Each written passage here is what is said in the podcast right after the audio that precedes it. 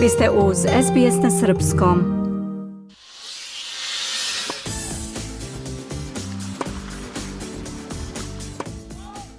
Pobedom Janika Sinera u muškom finalu u nedelju uveče je završeno ovogodišnje otvoreno prvenstvo Australije u tenisu. Mladi 22-godišnji Italijan osvojio je svoju prvu Grand Slam titulu pošto je uspeo da posle dva izgubljena seta savlada Rusa Danila Medvedeva sa 3 prema 2. U finalu koje će ostati upamćeno po ovom velikom preokretu, Sinner je potvrdio da se trenutno nalazi u najboljoj formi i zasluženo je osvojio trofej Normana Brooksa. Do meča za titulu Italijan je izgubio samo jedan set na turniru i to u polufinalu kada je sa 3-1 savladao prvog tenisera sveta Novaka Đokovića.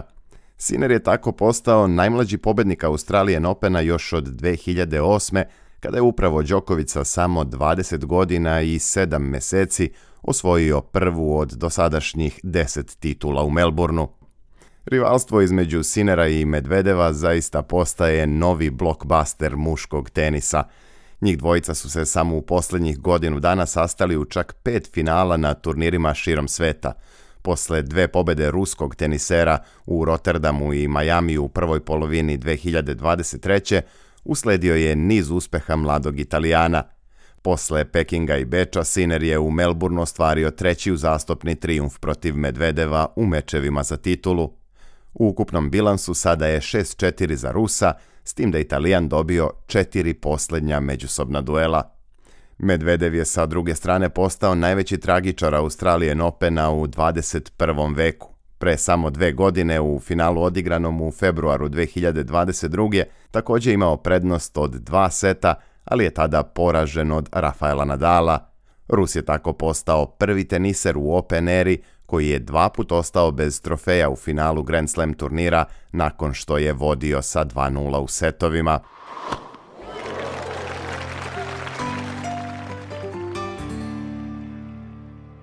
Rasplet na ovogodišnjem Australian Openu neće doneti promene u poretku na vrhu ATP rang liste.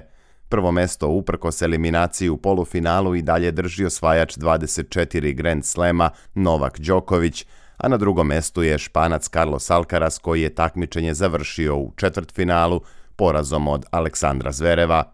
Treći teniser sveta i dalje ostaje Danil Medvedev, a Janik Siner je na četvrtoj poziciji. Međutim, iako je poredak ostao nepromenjen, bodovna razlika između ove četvorice tenisera sada je značajno smanjena. Đoković ima 600 bodova više od Alkaraza, 1100 od Medvedeva, odnosno 1500 u odnosu na Sinera. Srpski as ima osiguranu prvu poziciju najmanje do 19. februara, što znači da će svoj rekord po broju sedmica provedenih na tronu uvećati barem na 412. Daleko iza sa 302 nedelje na prvom mestu ATP liste je švajcarac Roger Federer. Đoković je posle poraza od Sinera u polufinalu Australian Opena izjavio da ga je mladi Italijan nadigrao u svim segmentima igre.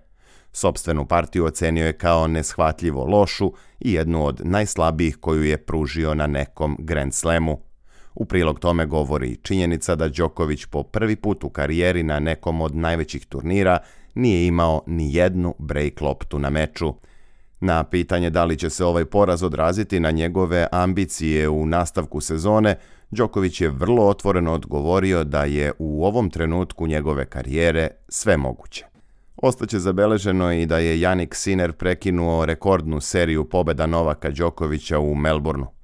Poraz od Italijana bio je prvi koji je srpski as pretrpeo na Australijan Openu još od 2018. godine kada ga je savladao Korejac Chung.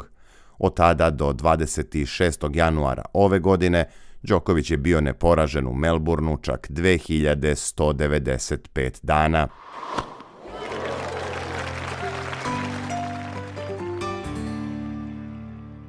Beloruska tenisarka Arina Sabalenka postala je tek četvrta igračica u 21. veku koja je uspela da odbrani titulu na Australijan Openu.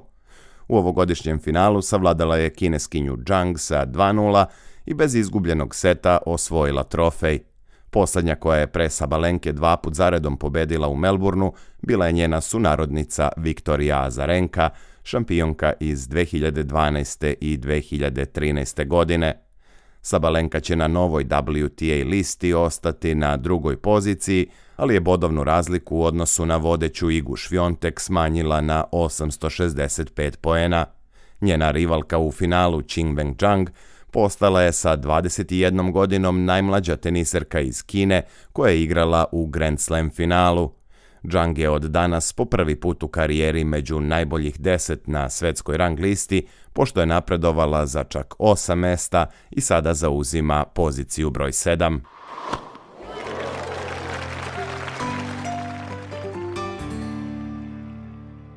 Australijanac Matthew Ebden i indijac Rohan Bopana osvojili su titulu u muškom dublu na Australian Openu. Njih dvojica su u finalu savladali italijanski par Boleli Vavasori sa 7-6-7-5. Bopana je tako sa 43 godine postao najstariji teniser koji je podigao šampionski trofej u dublovima na nekom Grand Slam turniru. Gledano zbirno, Bopana i Ebden su ubedljivo najstariji šampionski par, jer Australijanac ima 36 godina. Ukupno njih dvojica zajedno imaju 80 godina i 26 dana a titulu u ženskim dublovima osvojile su Belgijanka Mertens i Xie iz kineskog Tajpeha. Njih dve su u finalu pobedile ukrajinsko-letonsku kombinaciju Kičeno-Kostapenko sa 2-0 u setovima. Xie je tako postala jedina učesnica ovogodišnjeg Australian Opena sa dva osvojena trofeja – Ona je dan ranije u finalu mešovitih parova sa Poljakom Zjelinskim savladala američko-britansku kombinaciju Kravčik-Skupski u super tie-breaku sa 11-9. Bio je ovo poslednji dnevni pregled dešavanja na ovogodišnjem Australian Openu u tenisu. U nastavku donosimo nekoliko najznačajnijih vesti iz ostalih sportova.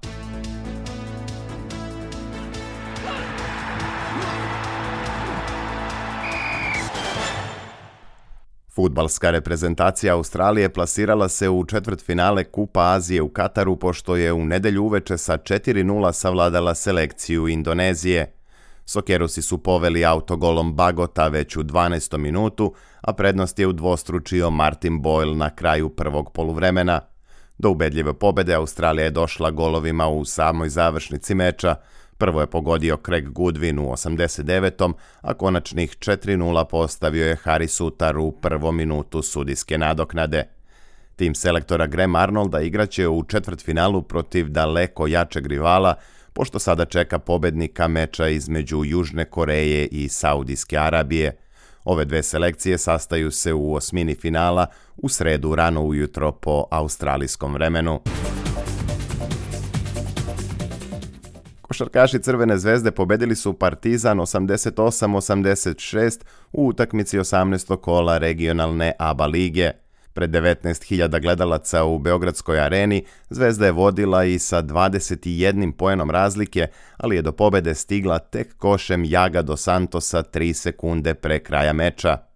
Ovim triumfom crveno-beli su uvećali prednost na vrhu tabele Jadranske lige i sada imaju tri pobede više od večitog rivala – Zvezda je vrlo blizu osvajanja prve startne pozicije u play-offu, što će joj u svim serijama, uključujući i finalnu, doneti prednost od jedne utakmice više na domaćem terenu. Rukometna reprezentacija Francuske novi je prvak Evrope pošto je u finalu šampionata odigranoj u Nemačkoj savladala selekciju Danske 33-31.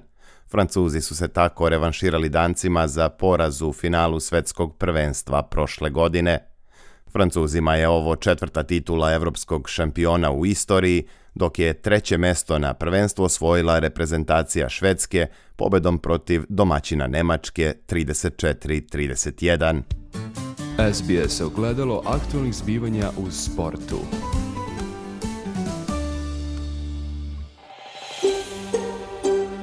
Želite da čujete još priča poput ove?